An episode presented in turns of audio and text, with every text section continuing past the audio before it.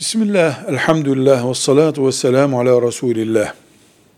Bir Müslüman öldüğünde, borcu varsa insanlara, bıraktığı maldan, mirasa girmeden o mal, o borçlar düşülür, sahiplerine verilir. Eğer Müslüman öldüğünde veya birisi öldüğünde, bıraktığı mal yoksa, veya o borçlara yetmiyorsa, ölenin borcu kimsenin üzerine yıkılmaz. Kimse kimsenin borcunu ödemeye mecbur tutulamaz. Velev ki onun çocukları olsun.